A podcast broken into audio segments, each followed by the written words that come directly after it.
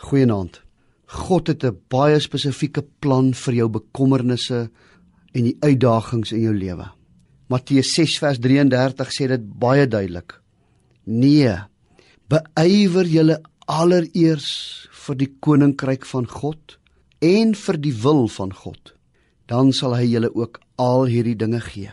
Die bekommernis les vir vandag is as ons besig word met die koninkryk van God, as ons besig bly met God self, as ons fokus volledig op God is, op sy saak en op sy plan vir my lewe, dan gee hy al die dinge sonder dat ons dit eintlik vra. Kry 'n visie vir die koninkryk van God. Hierdie is 'n opdrag as Matteus sê, soek allereers, soek heel eerste in jou lewe die koninkryk van God. Soek heel eerste in jou lewe die wil van God dit wat God beplan vir jou lewe. Vra vir God, wat is die plan wat hy deur jou lewe wil bring?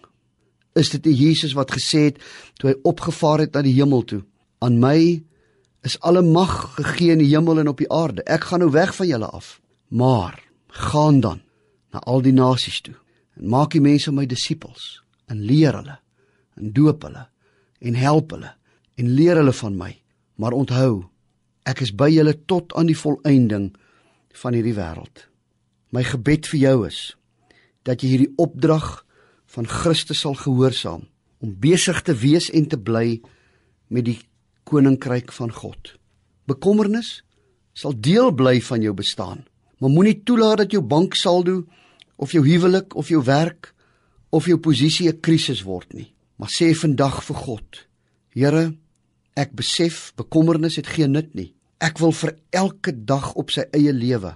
Ek wil die koninkryk van God en u wil eerste stel, want dan weet ek gaan ek oorwinning kry oor die kommer in my lewe.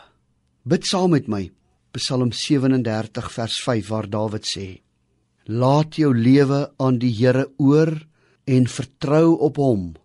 Hy sal sorg. Amen.